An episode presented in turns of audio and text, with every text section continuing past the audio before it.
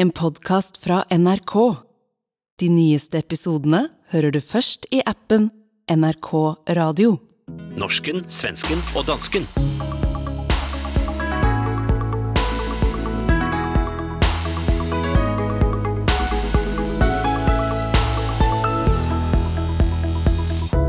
overflødig følelsesporno. Hvorfor ærgrer Hassan sig over, at Zelensky talte 4. maj? I badet, kissar i badet. Hvem tisser i duschen? Og har statsminister Mette Frederiksen lagt sig flat for islam? Hvorfor? Spørgsmålstegn.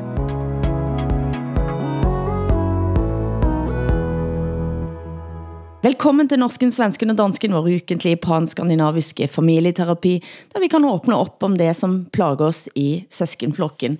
På terapisofaen som vanlig, Hassan Preisler i København, Åsa Linderborg i Stockholm, og et mitt navn er Hilde Sandvik, jeg sitter i Bergen, og lurer selvfølgelig på, hvordan dere har det. Åsa, hvordan er det i livet ditt? Och jag är så väldigt eh, pollenallergisk. Ja, Så, eh, och det gör att jag aldrig riktigt kan njuta av våren på det där sättet som så många andra kan göra. Men annars har jag det bra. Hassan? Jag tror att Hassan är lika allergisk som jag nästan. Ja, jeg har det på fuldstændig samme måde, fordi birkepollen øh, er sprunget ud øh, med forårets komme. Solen skinner, alle mennesker er glade, undtagen mig. Ja. Jeg sidder her og er- er hæs i stemmen og snottet og har ondt i hovedet og øh, har ondt af mig selv også. Ikke? Øh, og øh, i går aftes, der tændte jeg sterinlys i alle mine vinduer, fordi det gør vi i Danmark øh, aften mellem den 4. og den 5. maj, mm. som jo er befrielsen, Danmarks befrielse øh, fra den, den seneste krig, vi var ja. involveret i. Øh, og, øh, og så var... Øh, jeg, jeg ved ikke, om I ved det, men Zelensky talte jo til det danske folk i går. Ja. Ja, ha- øh, på storskærm i Aarhus og Odense, og det kunne så også følges via forskellige digitale platforme og på tv. Det var Politikken, Avisen Politikken og Avisen Jyllandsposten, som sammen havde arrangeret det her, hvor de så faciliterede den her statsleders tale øhm, til det danske folk. Mm. Øhm, ja. Hvor, og var det, hvordan reagerte du på det? Jamen altså, jeg, jeg kan ikke sige, om det var, øh, om, om jeg var øh, slået øh, ned af pollen, eller, øh, eller hvad, hvad der ligesom skyldtes mit dårlige humør, men jeg, jeg følte, at begivenheden var ubehagelig. Jeg, øh, jeg støtter fuldt ud alle initiativer, der skal hjælpe øh, Ukraine og ukrainerne. Jeg er en stor og intens modstander af Putin og den redselskrig, han har indledt sig i. Men den her form for, øh, for overflødig følelsesporno, mm. øhm, den tænder mig helt af. Øh, og så forstår jeg ikke, hvordan mediehuse kan tilbyde en platform til statsledere, mm. som kan tale ukritisk. Altså øh, alle statsledere skal, skal hvad hedder det, kritiseres af medierne, ikke? Mm. Øh, ikke faciliteres af medierne. Og, og jeg, jeg synes, det her var på alle måder øh, altså, ubehageligt at overvære. Og det ved jeg godt, jeg kommer til at blive meget upopulær på at, at sige, fordi sådan er der ingen andre, der har det. Men det er interessant, for i Oslo fik den ukrainske ambassadøren nej til at gå med ukrainske barn i 17. maj-toget i år. Det er lov at vise støtte til Ukrainer på 17. maj, men barnetoget det skal være frit for politiske markeringer, slog 17. maj-komiteen fast. Eh, Og det jeg hører her, eh, Hassan, er jo på et vis et forsøg på at koble befrielsesdagen i Danmark til Ukraina og den grusomme krigen, som pågår der. Er- Var Ja. ikke det også et element? Det er, det er helt klart et element, og jeg forstår jo godt, at man er interesseret i at lave koblingen, og jeg kan jo godt se, at der er mange paralleller, ikke? Men for mig så er den 4. og 5. maj er jo et, øh, en nationaldag. Altså det handler om, om noget, som specifikt er foregået i Danmark mm. øh, på et bestemt tidspunkt med en helt kompliceret historie op til og efterfølgende. Og man kan ikke bare trække paralleller til, en, til, til begivenheder i Europa eller verden for den sags skyld. Altså, der har jo tidligere været krig i Europa. Der inddrog vi jo ikke den 5. maj, befrielsesdagen, som en dag, hvor vi skulle stille os op og flage, øh, øh, altså for, for, for, for og imod bestemte, hvad kan man sige, spillere på den globale scene. Jeg, jeg, jeg havde en meget dårlig smag i munden. Jeg blev hjemme, og jeg tændte min sterinlys, øh, blandt andet for min morfar, som var frihedskæmper, og min øh, mormor, som var hjemmegående, og måske i virkeligheden led mere, end han gjorde. Øh, mm. Dem tændte jeg sterinlys for, for for de modige øh, modstandsmænd og kvinder, der var under 2. verdenskrig og så videre. Men det var for mig handler den aften om noget andet. Mm. Altså. Och så? Alltså, vi har ju ingenting sånt i Sverige. Vi har ingen segerdag att fira. Så att jag vet inte, jag kan inte sätta mig in riktigt i hur det här känns för, mm. för er. Att dela med sig av sin dag då till, eh, till några som befinner sig i ett krig just nu. Mm. Det var intressant att höra dig Hassan. Eh, den ehm, känslomässiga konflikten du ham hamnade i där. Mm. Vad har du gjort til det på senere tid denne veckan som har gått? Mm, altså, som dere vet, så var jeg jo på, på og jeg lurte jo også på, hvordan dere synes det var at ha med en gæst da inde i par, i par familieterapien vår. Eh, om, det, om det kjentes eh, rett. Hvad, synes du det også? Var det ok at ha med gæst? Åh oh, ja, det var, det var väldigt intressant att få lära sig något mer om Färöarna. Um, det, det tyckte jag. Jag funderar mycket på det där landet. Som går sina egna vägar och som är så en sån, för mig helt okänd bricka mm. i det här stormaktsspelet också med så mycket handel med Ryssland som, samtidigt som USA vill placera ut, liksom markera det som sitt militärt och sådär. Mm. Det var väldigt intressant. Ja, altså for mig som er jo bare å innrømme at Skandinavia blev større. Men jeg mødte også folk fra Grønland der, eh, og da slog det mig, hvor fjernt fra bevidstheten min, altså hvor fjernt fra bevidstheten min det er, at Danmark, altså dere i Danmark fremdeles er en slags eh, kolonister, Hassan. Det var interessant. Jeg tror vi må snakke mer om det en gang. Eh, fordi eh, både Grønland og Færøyene, på en eller anden måde, så ligger de helt randzonen av norsken, svensken og dansken. Men det er en del av Danmark, eh, som, som jeg oplever mer og mer, at Danmark ikke forholder sig til. Og jeg hørte historier eh, fra da for eksempel Mette Fredriksen var på Grønland i mars eh, for at be om undskyldning, eh, offentlig, officiell undskyldning eh, for de barna som blev bragt fra Grønland til Danmark eh, på 50-tallet for at fordanskes, og på sikt skulle bli en del av den grønlandske eliten. Mm. Eh, og, og, og da jeg hørte den historien, for jeg tror kanskje vi snakker om det på eh, podden vår og programmet vårt en gang, eh, så blev det i forbifarten nævnt, og jeg tænkte, ja, hvor vigtigt er det med den slags undskyldninger, og er ikke det lidt sådan eh, banalt? Og så forstod jeg, da jeg mødte de som faktisk kommer fra Grønland, at det betydde veldig mye, faktisk. Det overrasker mig lidt det ligger en så stor sorg yeah. i mye av det grønlandske, som jeg på en eller anden måde ikke har taget ind over mig.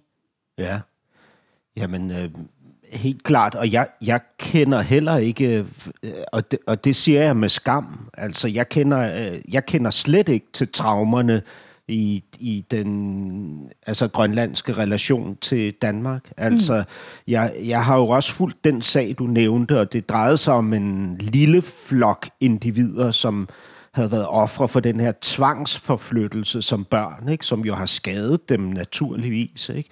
Øh, men, men traumet er jo langt større end det, er meget mere omfattende og detaljeret og komplekst. Øh, Øh, det er klart. Øh, og, og jeg synes, det er mega svært at, øh, at, at forholde sig til. Der kører en serie i Danmark lige nu om Grønland, mm. øh, som, som er meget rost, men, men altså, jeg, jeg har ikke set den. Mm. Øh, jeg følger ikke med i den. Og på den måde, så er det lidt, eller så er det meget marginaliseret i min bevidsthed, at Grønland stadig er en del af det danske rigsfællesskab, og mm. at vi har den her kolonihistorie. Altså, jeg, jeg kender mere til den engelske kolonihistorie i forhold til Pakistan, hvor min far er fra, end jeg kender til det helt aktuelle mm. øh, øh, forhold mellem Grönland och Danmark. Mm. Jag skulle jättegärna vilja göra reklam för Borgen som sänds nu på, på Netflix som aktualiserar den här konflikten mellan Danmark och Grönland.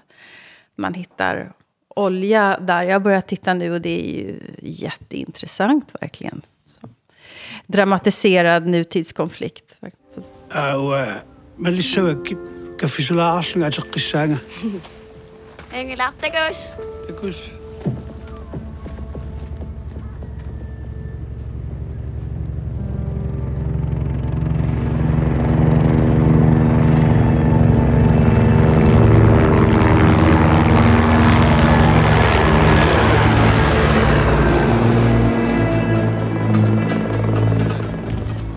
Congratulations, boys.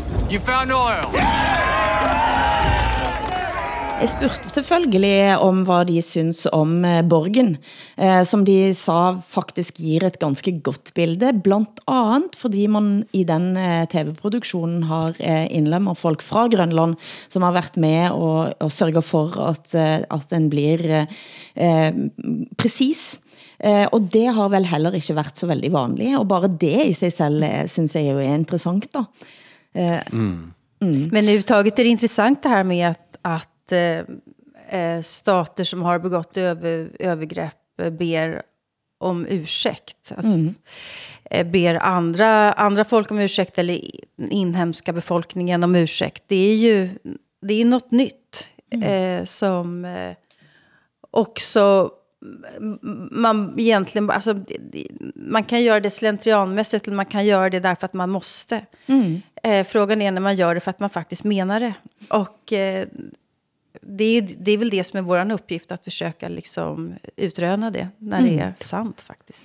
Ja, og det, det, der jo er interessant med det her traume, at det var jo øh, noget af det, vi opdagede i sidste uge, da vi talte med Bjarni fra Færøerne, ikke? som skildrer, hvordan man øh, på Færøerne har et, øh, hvad kan man sige, mere komplekst forhold til Danmark, og dermed Europa, og dermed Vesten. Ikke?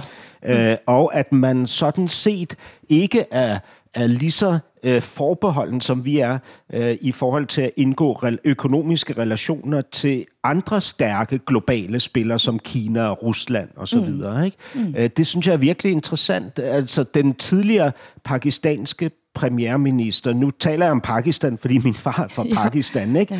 Øh, Imran Khan, øh, tror jeg han hedder, øh, øh, en tidligere meget berømt cricketspiller, han var i Rusland netop som øh, den, den nuværende krig øh, i Ukraine brød ud. Mm. Og der kom jo straks et diktat fra Vesten. Øh, en masse ambassadører mødte op øh, i, hos regeringen i Islamabad og krævede af Pakistan, at de skulle tage afstand til Rusland. Og der sagde øh, den pakistanske premierminister, hvem tror I, I er? Skal I diktere os, hvad vi skal gøre i vores øh, øh, nuværende situation i verden? Vi er ikke jeres slaver, sagde han så. Ikke? Og det fortæller mig noget om, om noget, vi glemmer. Ikke? At vores øh, hvad kan man sige, organisationer og vores øh, øh, foreninger, vores alliancer, er ikke for en stor del af verden øh, lige så gode, som vi betragter dem.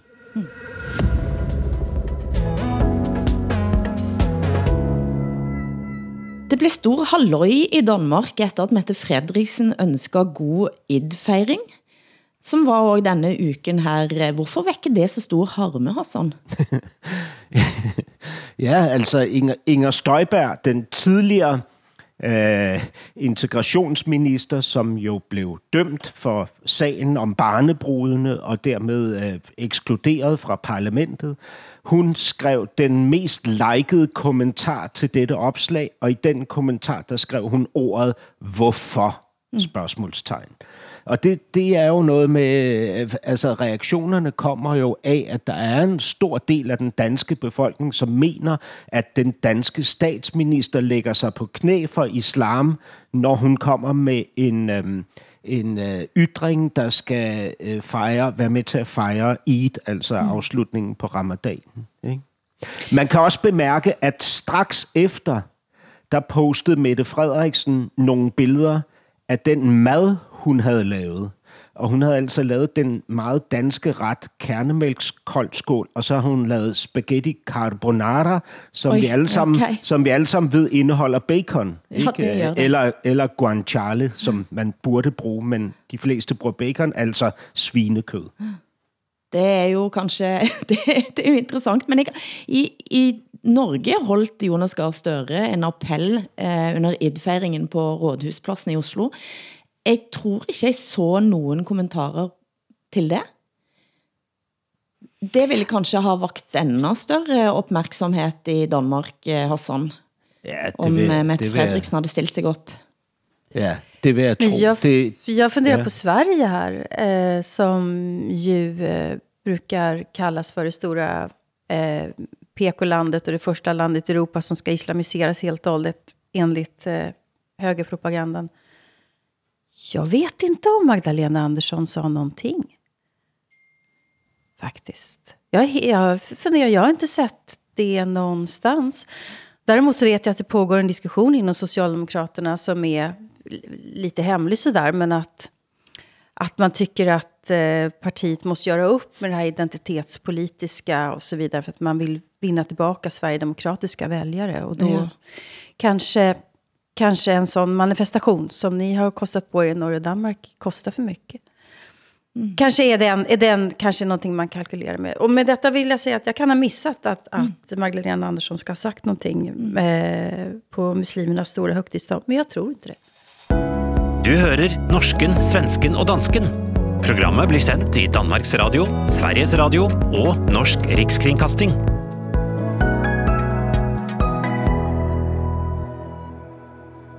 Forrige fredag, like før klokken 13, opdager personalet på Museum Jorn i Silkeborg i Danmark, at en av de danske kunstnerne Asger Jorns malerier, nationalklenode i den foruroligende Elling, var ødelagt. Og dette er et av Asger Jorns mest kendte malerier og vært millioner. Jorn var med i den internationale kunstnergruppen Cobra. Han købte banale malerier, og så malte han på de, og her var det da et bilde av et hus med en stor and, eller en elling, som stod og kikkede ind. Hvad skedde, Hassan? Dette må du forklare. Ja, øh, altså, øh, det, øh, Asger Jorn kaldte det jo selv, at han modificerede øh, andre malerier, ikke? Med, med, øh, ved at male oven på maleriet, ikke? Og der har så været den her person, som er øh, gået ind på museet øh, i Silkeborg, og så har han så remodificeret øh, billede. Men altså, det er jo ødelagt med lim og, og med en signering, som er skrevet i tusch. Altså, øh, eller, det, det er jo ødelagt på den måde, at det er, mist, altså, det er jo mistet sin værdi. Det er jo ikke længere et jorn-maleri, mm. men et ibi-pibi-maleri nu, ikke? Ja, for Og du det, sa han, du sa han her nå. Ibi Pippi ja. er, blev kendt eh, for eh, offentligheden i Danmark, fordi eh, menneske bak, går det an at sige det, som fandt ut eh, om at han ville, han var en han, ville ta et juridisk kjøn, kønsskifte og bli en Ja. hund og kalde sig Ibi Pippi. Eh, Ja. Og filmer altså dette herværket på Facebook. Eh, Ja, det er rigtigt. Det, det var en fejl, at jeg kaldte øh, øh, hende for ham. Øh, altså Ibi Pibi Orup, som jo betegner sig selv som en lesbisk kvinde fanget i en mands krop, fordi hun fortæller, at hun rent seksuelt tænder på kvinder, og hun er også gift med en kvinde, og har, som hun har fem børn med. Ikke? Øh, Så, og, og, og, og har heller ingen planer overhovedet om at lave en, øh, et øh, hvad hedder det, fysisk fysisk kønsskifte. Det er et øh, juridisk kønsskifte alene. Ikke? Men Jag tror vi måste förklara för, för svenska lyssnare här, alltså att det är en konstnär som heter Asker Jon som köpte Hötorgskonst, säger vi på svenska tror jag, som han sen målade över, sina, satte sina egna motiv på. Och nu så är det en ny konstnär som heter Ibi Pippi som har gjort samma sak med den tavlan. Så att det är Kaldte det en remodificering? Tre, ja, det, är alltså, det är tre konstnärer på en duk kan man säga. Då, Ja. eller hur? Ja, det kan du sige. Men den oprindelige kunstner er jo ikke en kunstner, som øh, nogen har følt, har følt blev udfordret af Asger. Jorn. Altså, Just øh, så det er jo først nu, at der ligesom opstår stærke følelser omkring det her, også fordi værdien af maleriet er enorm, og det var den jo ikke før Asger Jorn malede på. Nej. Men frågan är om, om värdet på den här tavlan som nu har blivit vandaliserad, för det är ju vad den har blivit, om det kommer att öka eller minska. Jamen, den kommer til at mindskes, det er helt Det, det, det tror jag. Ja. Den här rematerialiseringen av konsten är ju så intressant. För att, menar, då får ju konstverket en historia som också kan öka ett värde. Det finns en berättelse bakom varför tavlan nu är skadad. Ja. Så, Helt klart. Og det, det, der jo også er interessant, ikke, det er, at den her kunstner, Ibi Pibi, øhm, som er- er jo, hvad kan man sige, på en måde øh, associeret med, med for eksempel Uwe Max Jensen. Uwe Max Ja. Jensen er en, er en del af partiets stram kurs under øh, Rasmus Paludan, eller har i hvert fald været det. Han var folketingskandidat på det tidspunkt, og er selv kunstner. Og jeg, jeg siger ikke, at Uwe Max Jensen var en del af den her begivenhed, fordi når man lytter til båndet, så kan man faktisk høre, at Uwe Max Jensen siger, at han tager afstand til det her øh, herværk, ikke? eller den her remodificering af Asger Jorn-maleriet. Han troede alene, at Ibi Pibi ville vise sin øh, pik øh, på mm. museet, altså sin kuk, kuk, kyk, penis på svenska. penis, ja. Øh, øh, men, men på den måde, der kan man jo sige, at det her drejer sig om det, vi traditionelt betegner som den ydre højrefløj. I, mm. I har også brugt ordet om Rasmus Paludan. Ikke? Og nu har vi som medlemmer af det, vi i hvert fald i vores kollektiv betegner som højrefløjen, som har øh, remodificeret eller rematerialiseret øh, tidligere tiders kunst. Og så har vi eksempler fra den yderste venstrefløj på øh, øh, personer, som rematerialiserer eller remodificerer den etablerede kunst. Ikke? Øhm, egentlig meget interessant, at det er øh, herude i yderkanterne, at man finder bevægelserne.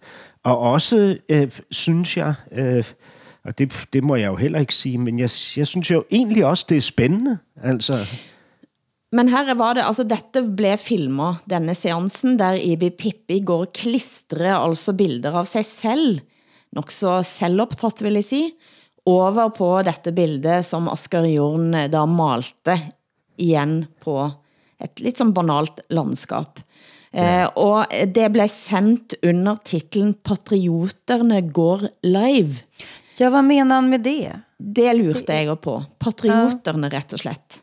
Är det en högerextrem eh, eh, aktion det här som göms bakom en konst?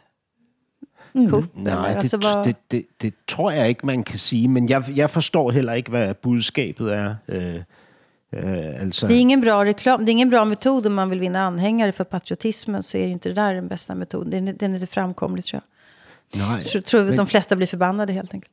Ja, men spørgsmålet er også, om de ønsker tilslutning, eller om de ønsker forarvelse. Just ikke? det, det Fordi for, forarvelse har de fået masser Ah, af, ikke? og det er jo det samme, som også skete i forhold til den yderste venstrefløj, dengang de rematerialiserede busten af Frederik den 5. eller 7. Mm. Nu kan jeg ikke huske, hvem det Vis. var. Øh, altså, det var, det var jo også forarvelsen, der blev vagt, og ikke øh, Men tilslutningen. Asger Jorn, är han känd som någon, eller var känd som någon socialist eller kommunist eller sin Nej. tids vänsterman? Eh, så det, Nej, egentlig det, är, det är inte Nej. rätt person att attackera på en sån höger-vänster-skala heller kanske. Nej, men Cobra-bevægelsen var jo også en oprørsbevægelse af en art, altså et, Ja, et, kunst, et konstnärligt, ja, men kunstnerisk det forstår jeg. op, Det forstår jeg. oprørsprojekt. Ikke? Ja. Og de var jo internationale, sant? Eh, Ja. Og deler av denne patriotbevægelsen, den er jo mot globalisering. Jeg vet ikke om det spiller ind i bildet her. Eh, men, men, men det var jo et globalt, en, eller en international vestlig bevægelse, Cobra, Det rigtigt. som tog et opgør med den traditionelle kunsten, for eksempel. Ja, ja. Og nationalromantiske kunsten. Ja, Nu altså, trækker du- det kanskje lidt langt. Men du kan jo med lethed sige, at Asger Jorn i dag er den etablerede kunst, ikke? og du vil faktisk også kunne påstå, at Asger Jorn bliver anvendt nationalromantisk. Mm. Ikke? Altså han hænger på alle de store anerkendte museer. Hans øh, værker bliver solgt i mi- millionklassen. Ikke? Asger Jorn er et dansk ikon. Ikke? Mm. Så på den måde er der jo et, et tilsvarende oprør i det her. Altså, ej, jeg vil- prøv at høre, jeg synes, destruktion af kunst er idiotisk. Altså, det må jeg bare sige. Øh, Der er ikke, der er ikke så meget andet. Altså, Kategorisk, skulle jeg ja. Men, men jeg er jo enig, og jeg tænker jo også, jeg tror det var en informasjon som skrev at det var veldig selvopphøjde kunstnere, eller selv, de, hvad var det, hvilke ord var det de brugte? Altså at man tror for højt om sig selv også, da, når en går ut og, og, og skal på en måte male sig ind i en tradition, da, eller klistre sig ind i en tradition som en stor kunstner, og så blir det bare herværk. ja. Det är väldigt provocerande faktiskt. ja, det kan du sige. Og så kan du sige, it takes one to know one. Det Just kan, det. Det var imidlertid ikke den vildeste nyheten denne uken. Vi må til Sverige igen. Også for eh, hvis dagens Pippi, Ibi Pippi, er provokunstner fra højresiden, så får han nå støtte fra Rusland, der Pippis ophavskvinde Astrid Lindgren anklages for at have været nazist i en reklamekampagne. Vi er imot nazismen, men det er ikke de, står det på reklameplakatene, som er sat op blandt andet utenfor den svenske ambassaden i Moskva. Citater av Lindgren og regissøren Ingmar Bergman, IKEA-grundlægger eh, Ingvar Kamprad og avdøde kong Gustav den f- eh, den eh, sjette Adolf er klistret op på plakatene. Eh, Det skinner igenom at de russerne, som då er klistret dette op, påstår at dette var nazister. Ja, nej, men det här är ju, alltså, reklamkampanj skulle jag inte säga, det är statlig propaganda helt enkelt. Eh, men eh, på stora reklamskyltar då utanför. Och eh, busskurer och sådär så, så kan man läsa då om de här fyra sända, kända svenskarna, att de skulle ha varit eh, nazister. Och det här, är ju, det här är ju naturligtvis att de, Ryssland vill säga att det är nazister överallt och alla utgör ett hot mot oss. Och vi är de stora antifascisterna i världshistorien. Det är vad Ryssland vill säga med det här. Men det som är lite, lite intressant ändå med de här fyra figurerna som de har plockat fram. För de tar ju inte fram några, vi har ju nazister i Sverige idag. Vi har ju mellan 800 och 1000 stycken. De finns inte på några plakat. Det finns inga, några plakat på Sverigedemokrater som en gång har varit organiserade nazister heller, utan man tar de här stora fyra gestalterna. Och Ingvar Kamprad, han var faktiskt organiserad i den här svenska så kallade Lindholmsrörelsen. Eh, eh, Säkerhetspolisen satte upp en akt av honom så sent som 1943. Ingmar Bergman, han gjorde ju konst av att han hade varit tjusad av Hitler som ung. Astrid Lindgren i sina dagböcker som kom för några år sedan, hon skriver ju att hon, att hon höll på Tyskland mot Sovjet under, tidigt i kriget ska sägas. Det betyder inte att hon är nazist, men de är ju ändå någonstans och tassar i, i, i utkanten liksom av någonting som är lite känsligt. Där de går helt bort sig. Däremot, det är kung Gustav VI Adolf. För att det var hans pappa som gav, en, gav Serafimerorden till, Gustav, till, till Hermann Göring. Det var hans son, nuvarande kungens pappa, som var, skulle jag säga, tysk aktivist under andra världskriget. Men Gustav VI Adolf själv, han höll på entanten. Han var Englands vän under kriget. Svenska kungafamiljen var splittrad. Några höll på Tyskland och några höll på England, om jag ska göra det lite förenklat här. Och det är fel, fel kung de har satt upp, om de vill attackera någon.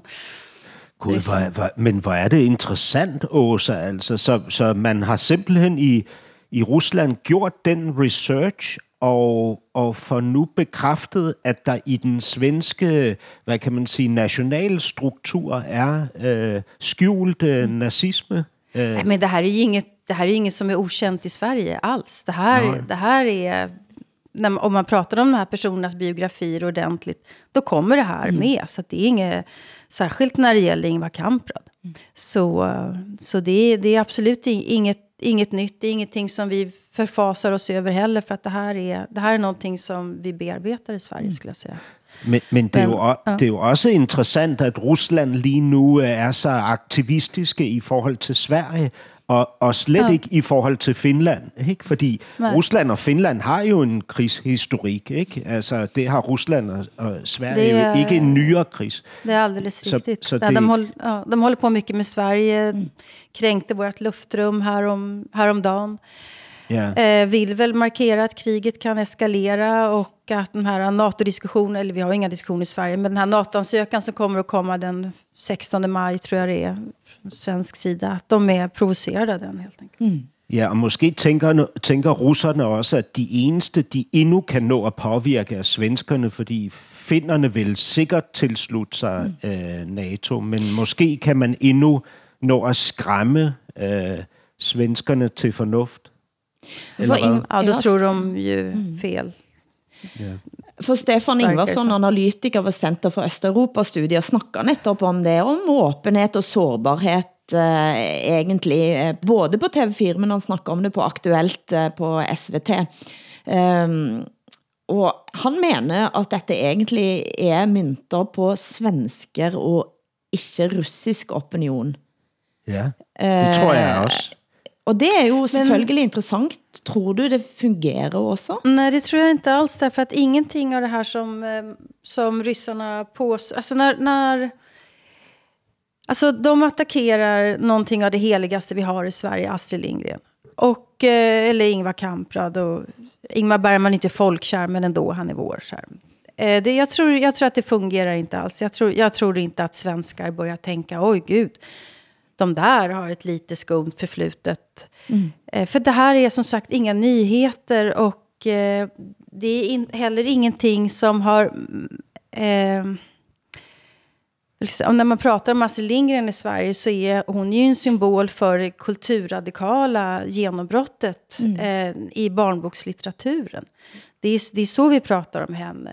Antirasisten, eh, den lilla människans värde och så vidare. Det är ju, det är ju där hon eh, betyder någonting. Barnens rätt.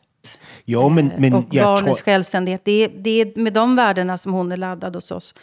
Ja. Eh, och eh, liksom symbol mot all form av diktatur har hon ju också varit. Så att, eh, Men jeg, jeg tror ikke også, at russerne har det formål, at de vil overbevise svenskerne om, at Astrid Lindgren og Ingmar Bergman var nazister. Nej, jeg men- tror, det, de vil fortælle svenskerne, det er, vi ser på jer lige nu. Ikke? Aha, jo, men det- det håller jeg med om. Sådan, ja, som vi gud, så på Ukraine, og det er den samme retorik, de anvender ja, men i relation Då til Sverige, som menar. de vi är helt överens. Ja, det og jeg, frister, jeg er fristet til at komme med også en anden tolkning, jeg, og se hetsen eh, av Sverige i lys av netop den antiliberale strømningen i verden akkurat nå. For siden andre verdenskrig, så har jo Sverige netop taget mål av sig til at være verdens menneskeretslige fyrtårn. Sant? Det har vi også snakket om eh, mange ganger. At Sverige på mange måter personificerer det gay rope, som Putin har gått i krig mot. Eh, og nå, altså i øjeblikket får han gehør i store deler av verden. Ja, visst får han det. Trump gjorde det samme med Sverige. Look what happened last night in Sweden, for at vise liksom hvor, hvor galt det går i et liberalt eh, demokrati. Altså det er store strømninger i verden som vil bort ifra det som Sverige da har været et, eh, ja, et slags liberalt fyrtårn i.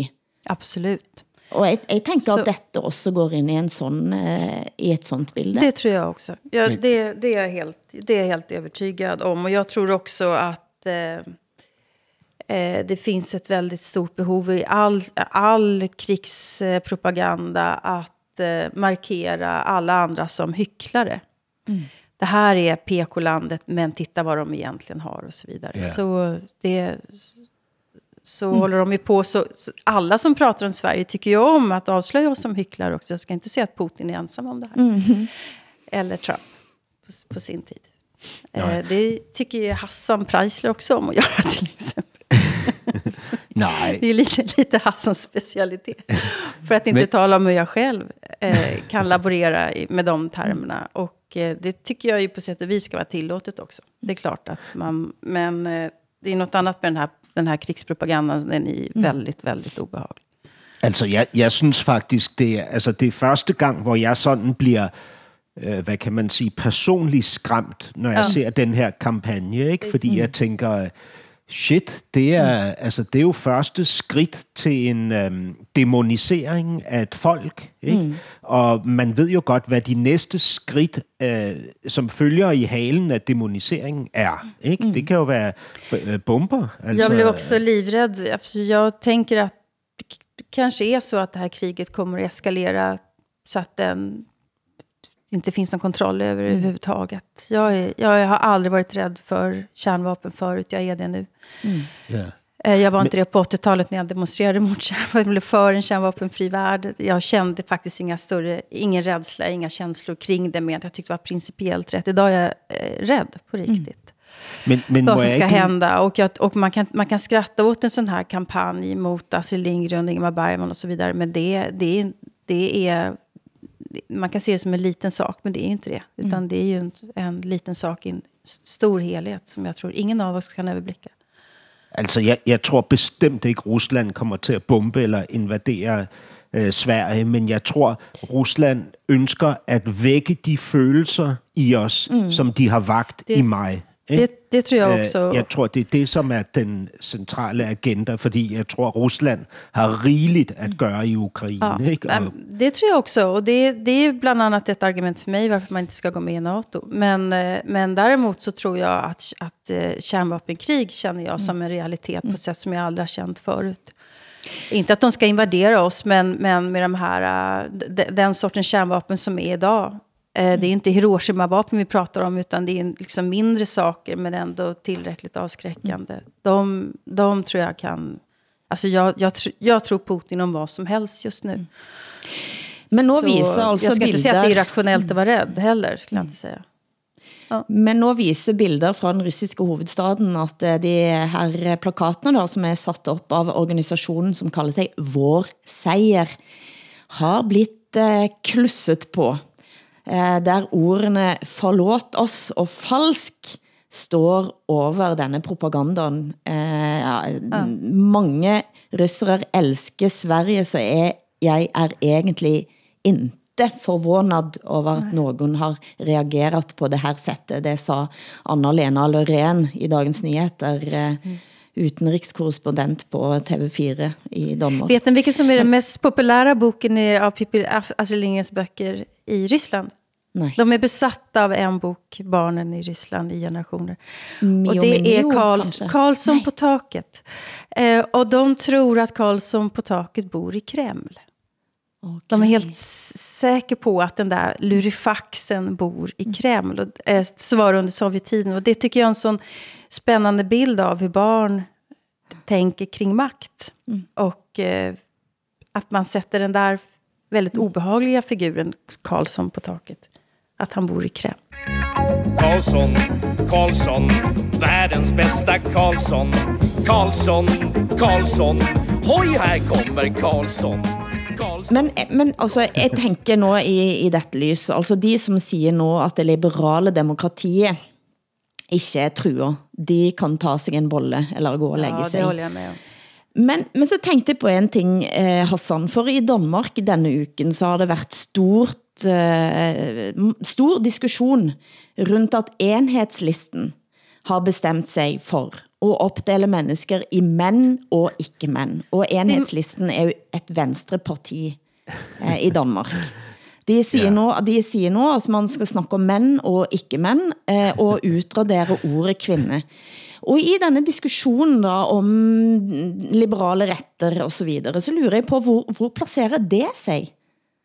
Ja, altså Hilde, nu det, det var jo mig, der delte den her historie med dig og Åsa, øh, og, og så har jeg så øh, gjort min research, og øh, må desværre vende tilbage med en korrigering, fordi det er faktisk ikke enhedslisten øh, øh, som parti, der har omdefineret kønnene. Det er en lokal afdeling i Aarhus, hvor en enkelt person har ja. øh, stillet sig frem og sagt, at man nu vil have øh, to øh, kategorier, som skal opdele os alle sammen, øh, som hedder mænd og ikke mænd. Ikke? Men, men debatten har jo raset i Danmark, som om det var enhedslistens nye officielle politik. Ikke? Og det er jo ret interessant, at, at det er sådan, vi, øh, vi lader tingene eskalere mig selv inklusiv. Ikke? Fordi jeg, jeg købte jo også historien. Ja. Altså, ja. Men, øh, men, men det, der sker i Aarhus, er egentlig lidt lidt spændende i sådan et større perspektiv, fordi det, øh, det hele kommer sig af, at et ældre mandligt medlem af, af mangeårigt medlem af enhedslisten har formuleret sig øh, krænkende, vil jeg tro, nogen synes, og de, de øh, vil nu ekskludere ham, og det, derfor var der indkaldt til et møde, hvor denne her øh, formulering så kom frem. Ikke? Så der foregår en, øh, en kulturkamp i Men... enhedslisten i hvert fald i Aarhus, ikke? Mellem Men, det gamla och det nya. Ja, undskyld. Ja, men jag skulle säga frågan har ju funnits i Sverige och finns eh, temporärt i Sverige också av och till. Eh, de som menar att man ska prata om eh, män och icke-män. Att man ska eh, utrangera ordet kvinna. Eh, därför att ordet kvinna exkluderar de kvinnor som har bytt kön, alltså kvinnor utan livmoder. Därför ska det finnas män och icke-män. Och då är ju alla fall min reaktion på det här, det är ju, ska, spelar det här någon roll då? För, alltså kvinna är ju bara ett ord. Mm. Men det är klart att, att det gör det, för att om man tar bort biologiskt kön, om det inte längre ska finnas, så kan man ju heller inte längre prata om mm. eh, underorden, diskriminering, struktur. Man kan inte räkna på eh, kvinnors olika löner, alltså inkomster och så vidare, inte mäns heller. Alltså det, det, vi, vi kan ju inte kartlägga världen ifall vi tar bort biologiskt kön. Men och som kvinna blir jag också provocerad av att jag inte ska få kalla mig, att, kvinn, att jag ska ha ett icke framför mig. Jag är icke-man. Då blir mannen mer normativ än mannen någonsin har varit språkligt. ja, det tänker jag också. Men det, det är ju helt enig i, men samtidigt så tänker jag nog i lys av det vi har snackat om eh, för nu, eh, mm. kampanjen i eh, Ryssland i ögonblicket för exempel, mm. så tänker jag, och vem tjänar det att denna typ av diskussioner blusser upp för allvar nu? Hvem er det som egentlig tjener på det? Fast så kan vi inte tänka. Nej, vi kan ikke, vi kan ikke okay. tænke sådan, men allikevel, når Hassan då fortæller at uh, denne saken så blir delt som om at det er partiet Enhedslisten som står bak, og så viser det sig at det er en enkelt person. Så kender jeg i mig selv, at jeg også let hopper på den type saker og blir, eh, blir hissig, og jeg er jo helt enig med dig også. Eh, altså vi kan ikke, altså det å, å, å, å fjerne ordet kvinne vil ha så enormt store konsekvenser. Men det jeg lurer på også er om vi av og til har tendensen til å hoppe på sånne saker, som det kanskje er nogle enkeltpersoner som står bak, og gør det større än, än det egentlig er.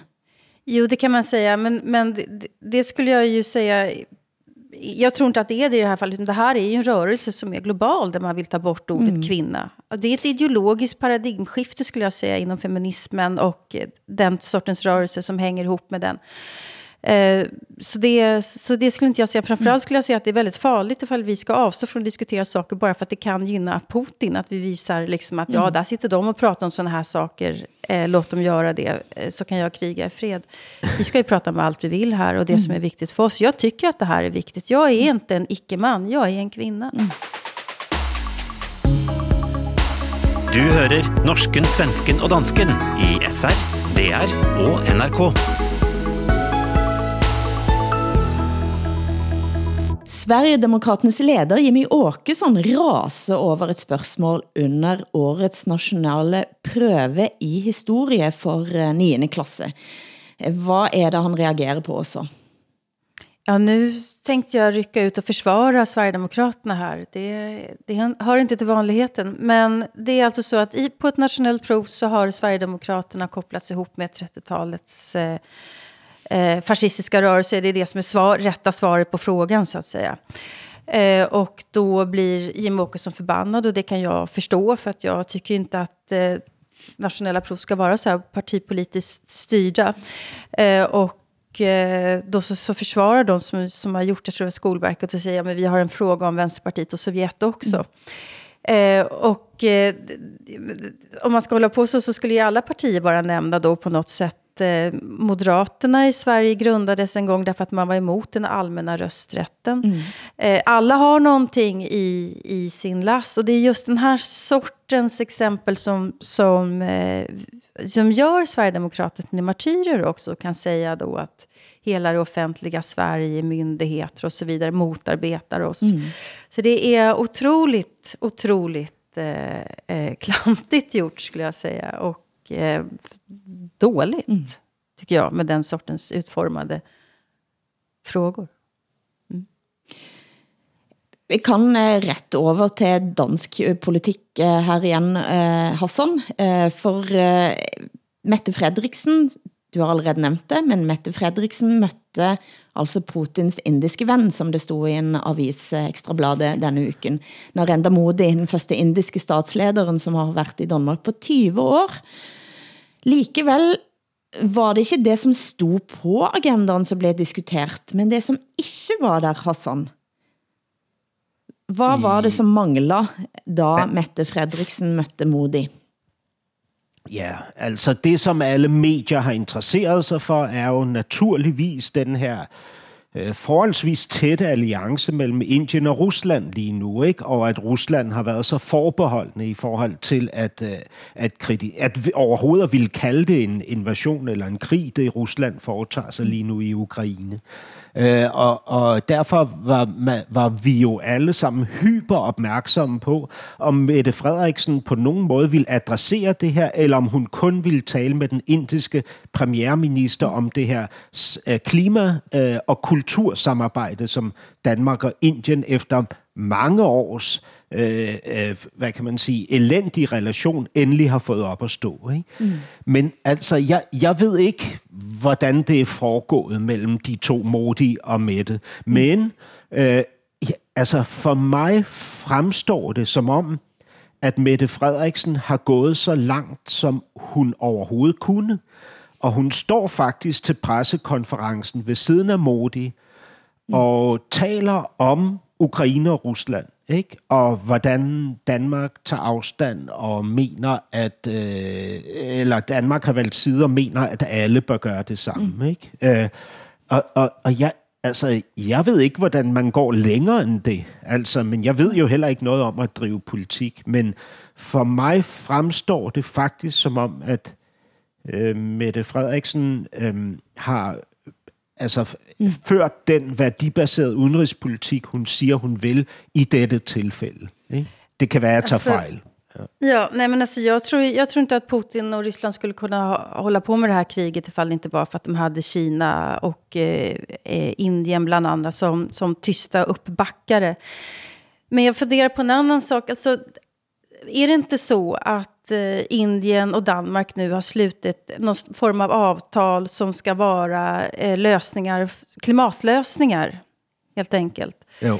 Och då tänker jag, är det inte så att om man faktiskt måste rädda klimatet, vilket jag tillhör ju de som tror då att man måste sätta in åtgärder för att rädda klimatet, kan samarbeta egentligen med vem som helst, därför att den frågan är större än en själv. Eh, ska man bara samarbeta med demokratier så blir det inte mycket gjort. Utan det är inte viktigt att man samarbetar med de som man kan samarbeta kring en fråga som är helt avgörande för hela planetens överlevnad. Ja, Eller det är väl det som är realpolitik eh, när den kan vara ja. försvarbar. Du har fuldstændig ret, Åsa, og for, for få måneder siden, der ville vi jo alle sammen have sagt, at der er ikke nogen vigtigere dagsorden end klimadagsorden.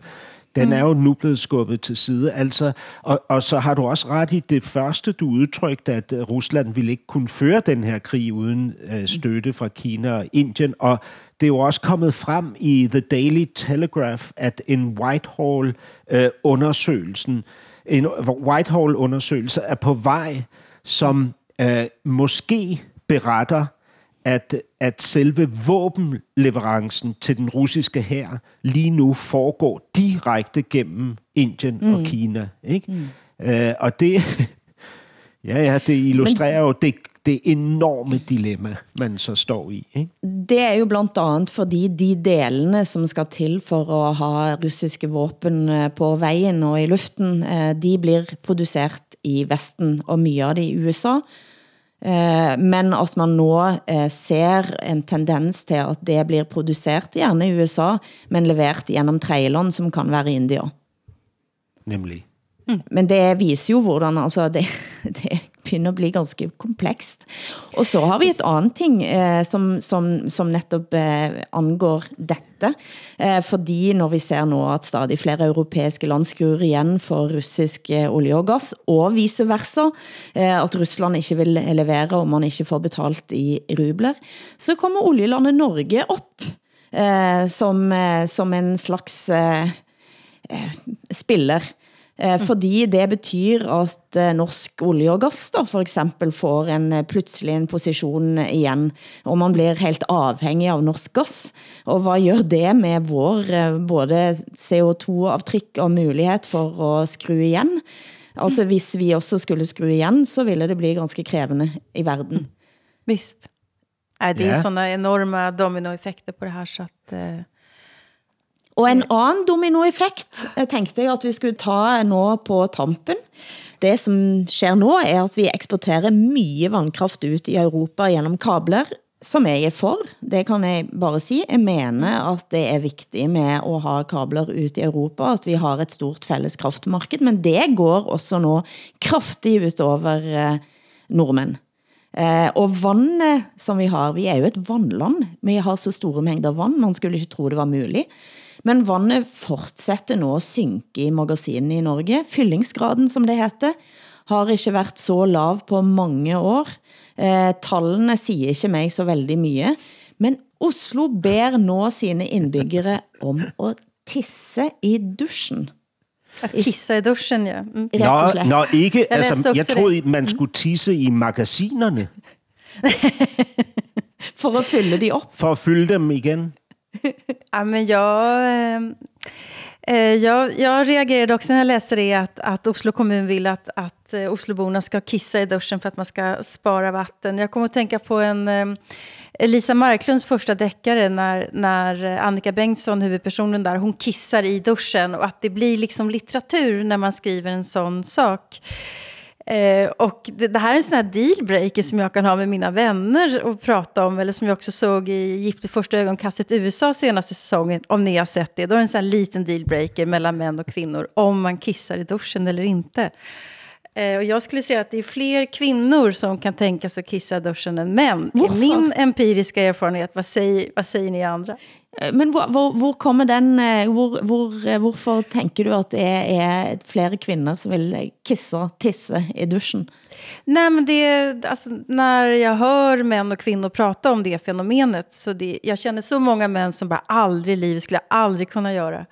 Medan kvinnor tror jag, som har fött barn och det händer allt möjligt med kroppen regelbundet, inte tycker att det är något konstigt att man kan kissa i duschen. Det är väldigt rent med allt vatten som, som liksom strilar samtidigt. Men eh, hvad säger du, Hassan? Jamen altså, prøv at høre, jeg, jeg er nået en alder nu, hvor jeg, hvor jeg er tvunget til at benytte enhver lejlighed, som byder sig til at tisse. Altså, og det inkluderer naturligvis, at jeg, når jeg står i badet, I badet? Kissar i badet? ja, Nej, men kissa i badet kan man väl inte göra? Man kan väl kissa när man duschar? Nå ja, ja. Jo, jo, brusebadet. Ja. Brusebad, det er Jamen prøv dusch. når, jamen, når man siger i Danmark, jeg tager et bad, så, behøv, så betyder det ikke, at man tager et karbad. Øh, Hvis du tager okay. Et karbad, så skal du være specifik. Et bad er bare, at du bader dig, ikke? Ja. Ja, då förstår jag. Men du då, Hilde? Tillhör du de som ljuger och säger att du aldrig har kissat i duschen? Eller tycker du att... Selvfølgelig kan jeg ikke lyge om det. Selvfølgelig har jeg gjort det. Og jeg tænker jo, at det er Har, mye bedre. har gjort det? Ja, altså, ja, har, ja. har, har du gjort men- det, ligesom uh, Bill Clinton røg marihuana, Ja, da ja, han gik ja, i ja. college, eller gør du det? Nej, det, det heter vel har gjort, når jeg, det, har gjort, vil jeg sige. I går, eller i... i Nej, ikke i går. hvor- Hvornår har du senest gjort det? Nej, jeg vet ikke. Nej, det, vet, det husker jeg ikke. Men, men jeg vil jo langt heller ha at mænd kisser i duschen eh, og, og, og går ut, end at de er på do og ikke vasker hændene etterpå. Ja, eller om de kissar på golvet eller kissar på toalettsitsen eller Nettopp. sådär. Då- Hellre kissa i duschen då kan jag säga. Så jeg vil Hela anbefale tiden. alle mænd om at de bare begynner med det. Jeg er helt enig med Oslo Kan, kommune. jag tycker att alla män ska börja med att sätta sig ner när de kissar. Jag Nej. tycker män som står upp och kissar är pinsamt Ja. töntiga faktiskt. De har problem med sin manlighet skulle jag säga. Inte du Hassan. Jeg har, jeg, har, jeg har aldrig sat mig ned for at tisse, men, og det skyldes simpelthen, at jeg føler, at det er den sidste bastion for min maskulinitet. Hvis jeg, hvis jeg sætter mig ned og tisser, så er det slut. Så er jeg færdig. Okay. Altså, Jag hoppas att det är du som skurar toaletten hemma också. Det blir siste ord for oss i ukens Norsken, Svensken og Dansken, men i ånden til vårt sidste tema, la oss gå ut med lyden av det danske barneprogrammet Mann med verdens længste tiss, som skabte så stor debatt i fjor. Om Jon Dillermann. Dillermann betyr selvfølgelig tissemann. Han tisser helt sikkert i duschen. John Dillermand, John Dillermand Han er verdens længste dillermand Der er næsten ikke noget, han ikke kan med det Han kan smile lidt rundt, han kan blive lidt flov Han kan redde hele verden, hvis han bare fik lov John Dillermand, John Dillermand, John Producent har været Eskil Paus, tekniker Hans Christian Heide. Tak til Hassan Preisler i København, Åsa Linderborg i Stockholm. Jeg heter Hilde Sandvik i Bergen, men jeg er nødt til at sige, at næste uke så skal vi faktisk møte hverandre ja, fysisk for det er første helt gang. sindssygt. Det er fuldstændig vanvittigt. Ja. Vi skal møtes i Oslo. Jag ska komma nyduschad. Programmet er produceret av både og for NRK, SR og DR, der redaktør for programmet er Ole Jan Larsen. Vi høres igen om en uke, og da sitter vi altså fysisk samlet for første gang.